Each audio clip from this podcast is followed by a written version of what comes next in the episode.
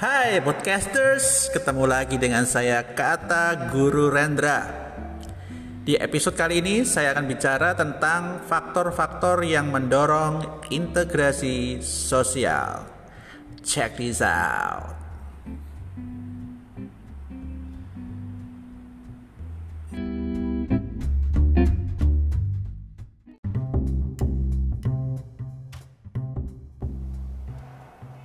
Kalau kita bicara tentang uh, integrasi sosial, penyatuan masyarakat yang berbeda-beda, yang majemuk, yang memiliki unsur-unsur yang uh, tidak sama, maka salah satu proses yang uh, dijalani adalah asimilasi atau proses untuk menyesuaikan perbedaan-perbedaan tadi. Jadi proses mengurangi perbedaan-perbedaan yang ada di dalam masyarakat gitu ya.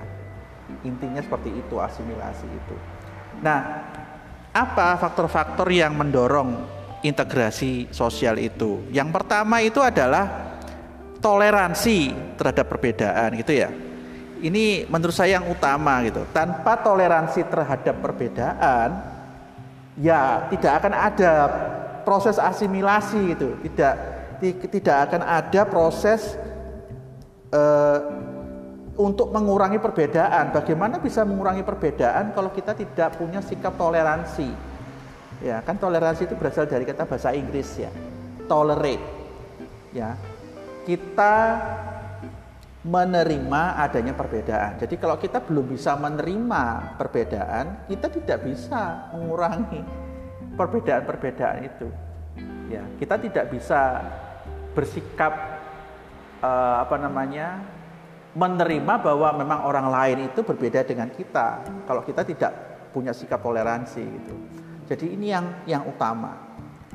Nah, sering kali kemudian uh, masalah dalam integrasi sosial itu ada didasari, diawali oleh uh, kurangnya toleransi. Nah, kalau ditanya kenapa kok masyarakat itu kurang toleransinya, ya itu macam-macam nanti ya. Kita bisa bicara banyak hal itu. Uh, sebabnya itu bisa banyak hal.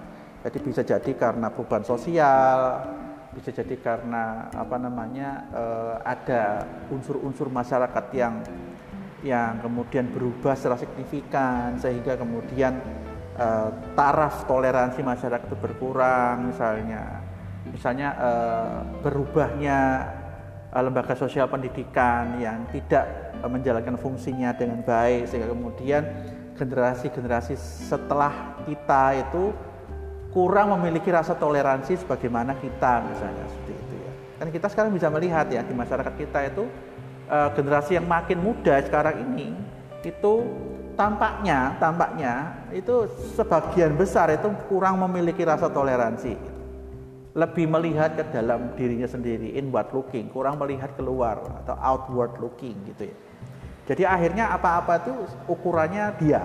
Nah itu itu yang yang apa namanya yang mengurangi rasa toleransi itu. Nah tanpa toleransi maka sulit kita akan mendorong integrasi.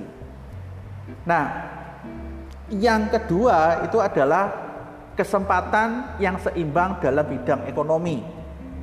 Maksudnya apa? Nah, kenapa ekonomi? Nah, ekonomi itu adalah salah satu lembaga sosial yang penting ya teman-teman dalam masyarakat. Tanpa adanya keseimbangan dalam bidang ekonomi, maka akan terjadi ketimpangan antara golongan-golongan yang berbeda tadi di masyarakat. Ya, uh, kita jujur saja di masyarakat kita itu kan uh, ketidak ketidaksamaan tingkat do apa namanya tingkat akuisisi ekonomi itu akhirnya kemudian terkait juga dengan etnisitas bahkan ras ya kalau kalau saya boleh bilang. Jadi ada kecenderungan mengidentifikasikan ras atau etnis tertentu dengan penguasaan ekonomi dominasi ekonomi di masyarakat. Jadi golongan lain ras atau etnis yang lain yang kebetulan tidak dominan dalam posisi ekonomi itu kemudian timbul apa? Kecemburuan sosial.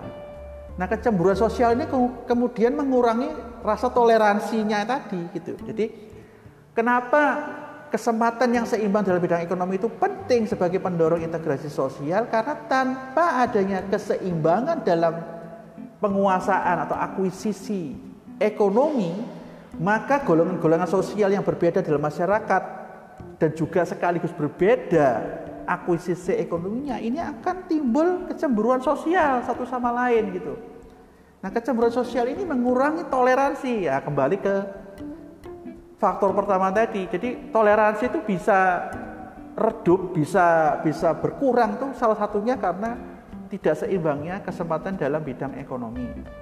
Jadi pemerintah negara itu salah satu fungsi utamanya itu menjaga agar kesempatan ekonominya itu seimbang antara golongan-golongan sosial di masyarakat, terutama di negara seperti Indonesia yang macam. Nah, itu dan itu memang agak sulit dilakukan karena Indonesia ini sangat majemuk gitu ya banyak kasus nanti kalau kita bicara tentang kasus disintegrasi sosial itu salah satu isu yang paling sering menjadi trigger atau pemicu itu adalah ketidak ketidakseimbangan dalam kesempatan di bidang ekonomi. Ya. Berikutnya adalah sikap saling menghargai orang lain. Nah, ini sebenarnya kurang lebih sama sih dengan toleransi ya. Cuma begini, Sikap saling menghargai itu gini, kita toleran terhadap orang, tapi kita juga harus mengekspresikan toleransi itu dengan baik gitu. Artinya begini, bisa jadi orang tuh sebenarnya tidak ada masalah dengan keberadaan uh, orang lain yang berbeda gitu ya, beda suku, beda agama. Tapi karena uh, kurangnya keahlian sosial gitu ya, jadi nggak bisa mengekspresikan dengan baik penghargaan terhadap orang lain, sering kali itu menjadi masalah gitu loh. Ya, ini masalah gesekan-gesekan antara pribumi dengan non pribumi itu sebenarnya kan e, terjadinya itu lebih karena kurangnya sikap saling menghargai gitu. Apakah betul yang yang non pribumi itu cenderung tidak menghargai pribumi? Ya tidak semua, ya tidak tidak semua begitu. Ada juga orang-orang non pribumi yang sebenarnya menghargai orang-orang pribumi, tapi karena mungkin kulturnya, sosialisasi dari keluarga awal dan segala macamnya itu kurang fleksibel ketika berhubungan dengan orang-orang yang tidak sejenis misalnya gitu ya sehingga kemudian timbul ini tadi seolah-olah ada sikap tidak menghargai orang lain gitu. padahal sebenarnya tidak.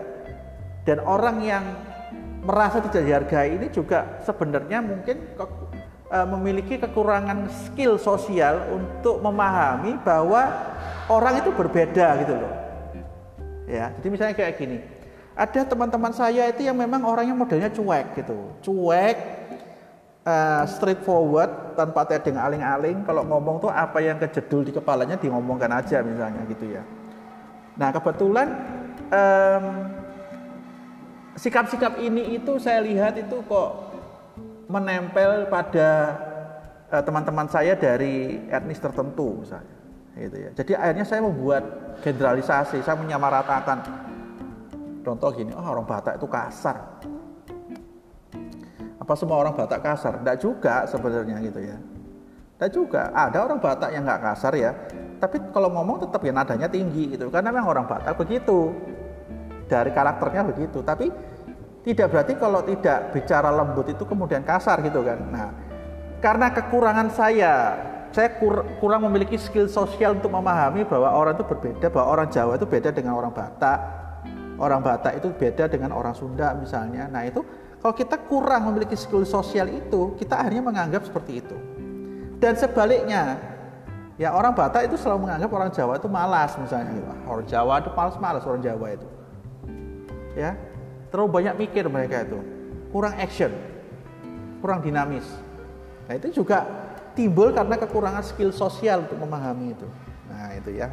Oleh karena itu Salah satu tujuan pendidikan di Indonesia itu sebenarnya menumbuhkan sikap saling menghargai orang lain.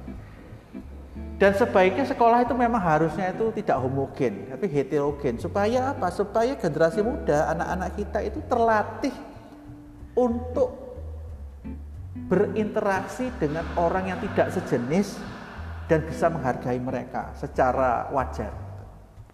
Menumbuhkan sikap toleransi. Nah ini dari mana belajarnya? Dari kecil. Dari lingkungan-lingkungan, baik itu lingkungan keluarga, lingkungan tetangga, lingkungan sekolah.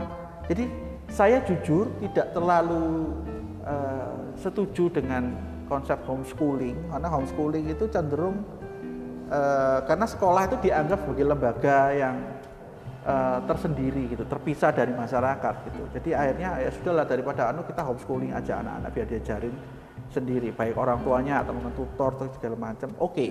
Tapi mereka akan kehilangan kesempatan menurut saya itu untuk bergaul dalam situasi yang beda dengan rumah atau tetangganya itu ya tapi yang heterogen yang bermacam-macam gitu. itu sebenarnya eh, salah satu fungsi sekolah itu di situ lalu bagaimana dengan sekolah yang homogen nah, itu saya juga tidak terlalu saya bukan tidak setuju dengan sekolah agama jujur ya bukan loh ya nanti saya bisa diprotes netizen saya bukan tidak setuju sekolah agama. Anak saya sendiri pun sempat sekolah agama. Tapi menurut saya sekolah yang heterogen itu lebih baik menurut saya. Secara konseptual itu lebih baik karena dengan kita heterogen, kita yang muslim, misalnya kita yang Islam, saya yang Islam itu saya mengerti bahwa ada orang lain yang tidak Islam. Ada orang lain yang tidak memiliki kebiasaan hidup seperti saya yang mengikuti ajaran agama saya. Contoh nih, kalau di ajaran agama saya, cewek itu harusnya berhijab, pakai kerudung, pakai jilbab. Saya tapi kemudian tidak bisa kemudian me, apa namanya itu mengolok-olok atau mungkin berpandangan negatif terhadap yang tidak berhijab kalau dia bukan muslim gitu.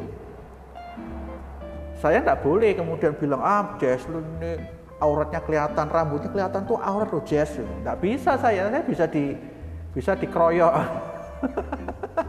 dikeroyok keluarga Jesslyn karena karena Jesslyn bukan Islam gitu loh paham ya nggak bisa saya mengekspresikan memproyeksikan keislaman saya ke orang yang bukan Islam itu namanya tidak punya skill sosial dan sebaliknya Wah ada loh teman saya itu bilang, oh orang Islam tuh aneh-aneh, makan babi aja dilarang. Ini tidak boleh ngomong gitu.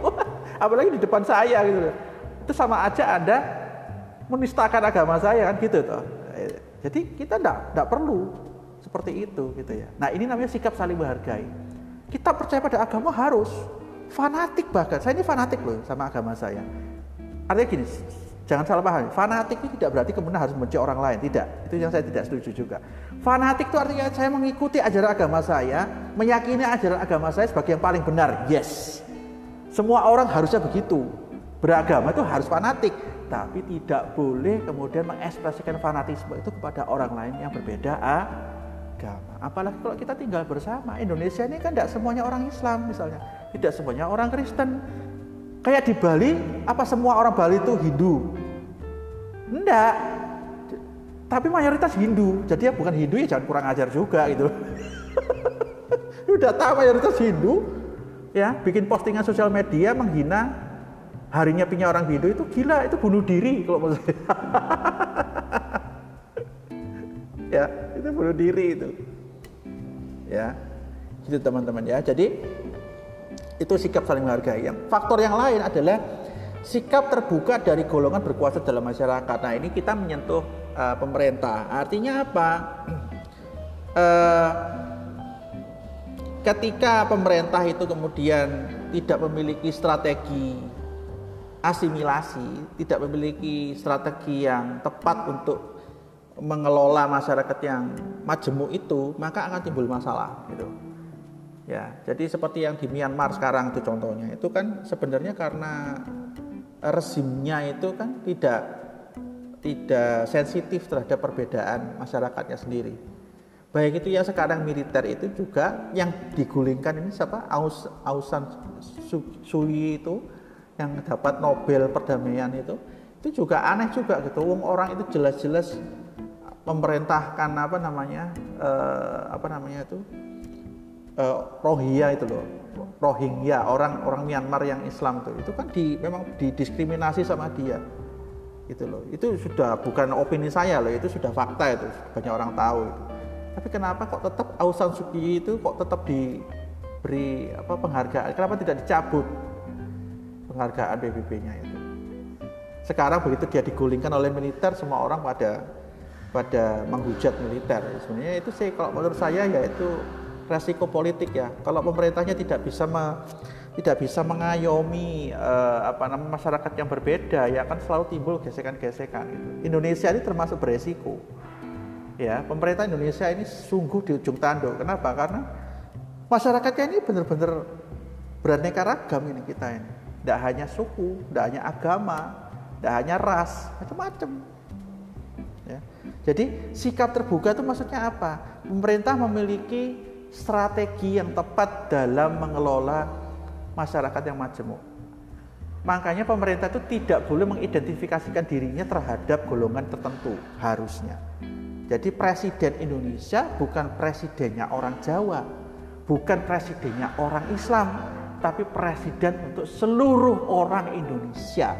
Mau agamanya apa, mau sukunya apa, mau rasnya apa. Karena kalau sudah presidennya mengidentifikasi saya ini eh, apa namanya akan eh, membela kepentingan umat Kristen saja, menurut saya masyarakat Indonesia itu harus mengikuti ajaran-ajaran Kristen misalnya. Nah itu ya di pasti diberontak dari awal itu pasti.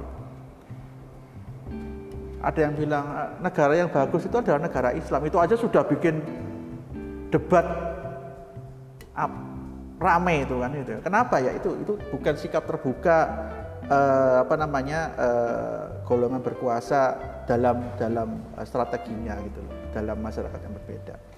Kemudian Kemudian eh, yang berikutnya adalah eh, persamaan persamaan dalam unsur kebudayaan. Jadi salah satu yang kemudian mendorong proses asimilasi itu adalah kenyataan bahwa yang namanya fakta ya bukan kenyataan. Fakta bahwa yang namanya budaya eh, kita ya itu memang memiliki banyak persamaan. Nah itu ya. Maksudnya bagaimana? Ya ya antara budaya Jawa dengan budaya Minang dengan budaya Papua itu walaupun berbeda tapi kita melihat ada eh, apa namanya eh, kesamaan-kesamaan yang bisa kemudian dipersatukan. Bagaimana kalau tidak bisa dipersatukan? Nah ini, ini salah satu yang menarik. Salah satu alasan kenapa dipilih bahasa Indonesia itu karena bahasa di Indonesia, bahasa suku-suku bangsa di Indonesia itu banyak, 1300-an kurang lebih gitu loh. Jadi bayangkan saja kalau orang Jawa mau ngomong sama orang Papua, yang satu ngomong Jawa, satu ngomong Papua kan mesti tidak tidak akan ketemu gitu kan. Nah perlu bahasa satu bahasa yang bisa dipahami oleh semua suku bangsa, walaupun itu bukan bahasanya sendiri ya. Oleh karena itu perlu bahasa persatuan. Nah itu usaha untuk menyamakan unsur-unsur kebudayaan. Ini sebuah strategi yang sangat jenius menurut saya dari Bung Karno dan Bung Hatta ya. Dan juga para founding fathersnya Indonesia bahwa salah satu cara untuk menyatukan masyarakat berbeda-beda ini adalah dengan apa? Dengan bahasa yang sama. Artinya orang Jawa tetap bisa ngomong Jawa dengan orang Jawa, orang Papua masih bisa ngomong bahasa Papua dan orang Papua, tapi ketika mereka bertemu orang-orang berbeda ini, mereka tetap bisa saling memahami karena bisa ngomong bahasa Indonesia ini otomatis akan mendorong terjadinya integrasi sosial. Ketika bahasa ini tidak bisa dipersatukan, itu sudah merupakan jurang bagi suku-suku yang berbeda, suku bangsa yang berbeda. Itu teman-teman ya. Selain memang kemudian ada persamaan-persamaan di antara unsur-unsur kebudayaan mereka sendiri. Jadi misalnya kayak di Jawa itu uh, punya kebiasaan apa namanya, misalnya uh, oh orang Jawa tuh suka bersemedi misalnya gitu ya. Oh ternyata di orang Dayak di Muara Paung ya, itu ternyata juga punya kebiasaan bersemedi misalnya. Gitu ya. Makanya ketika orang Dayak Muara Paung ketemu orang Jawa itu merasa lebih dekat daripada orang ketemu orang Madura misalnya. Karena orang Madura itu misalnya nggak punya kebiasaan bersemedi, misalnya loh ya ini saya bilang misalnya loh ya jangan ditarik ke kerana real tidak. Ini hanya misalnya saja. Terus misalnya yang lain adalah misalnya di Jawa ada batik, ternyata di Sumatera itu juga ada apa produk yang hampir sama mirip dengan batik, mungkin namanya lain, tapi kalau dilihat itu mirip dengan batik misalnya. Dan batik itu banyak ya ternyata ya, tidak cuma Jawa kok yang punya itu ya. Saya baru tahu batik Jawa itu salah satu dari batik yang ada di Indonesia. Di suku lain itu ternyata banyak produk budaya lain yang mirip dengan batik. Tidak usah jauh-jauh, batik Madura itu ada, saya baru tahu. Batik Tretan.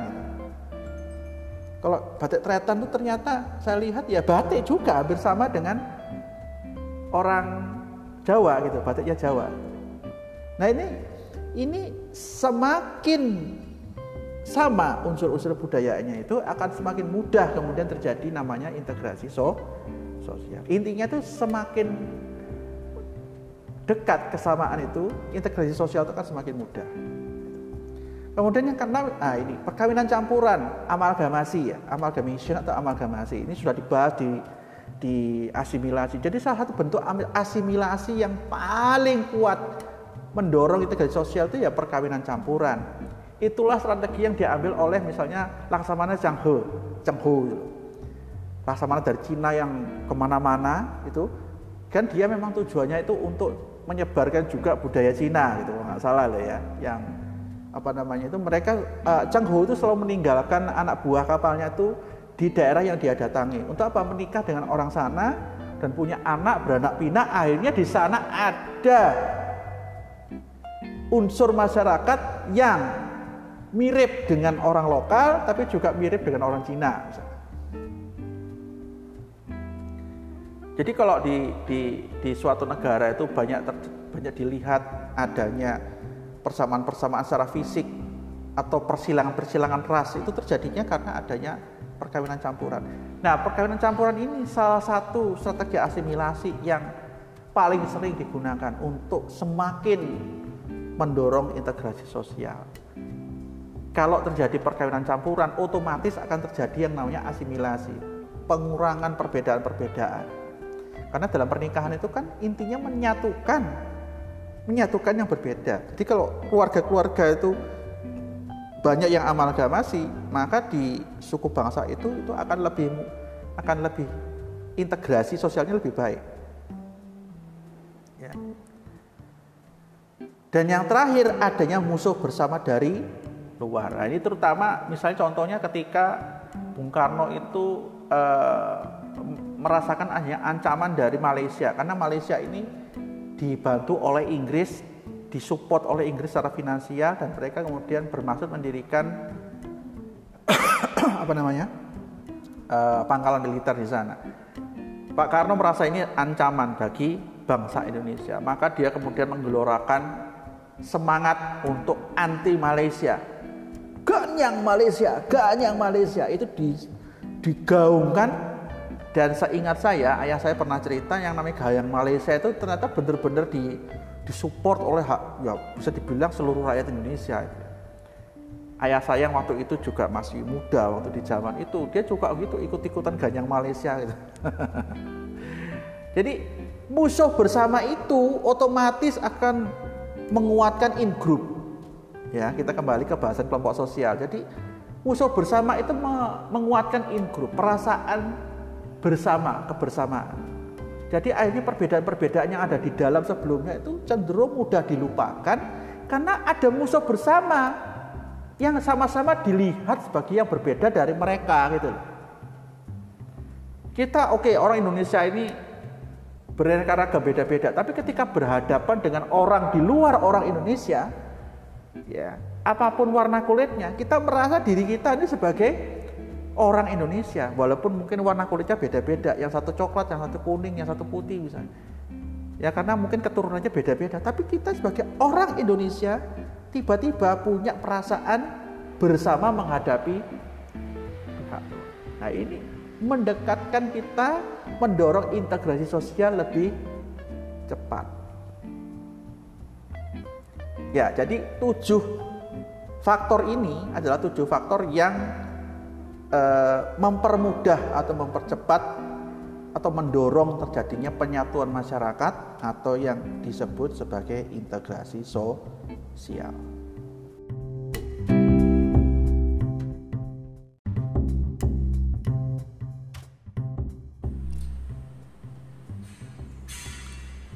Semoga penjelasan saya bisa membantu ya. Semoga kamu bisa lebih paham tentang faktor-faktor yang mendorong integrasi sosial. Oke, jangan lupa like and subscribe podcast saya. Oke, dan kalau kamu punya pertanyaan, boleh loh send message. Sampai jumpa di episode berikutnya. See ya.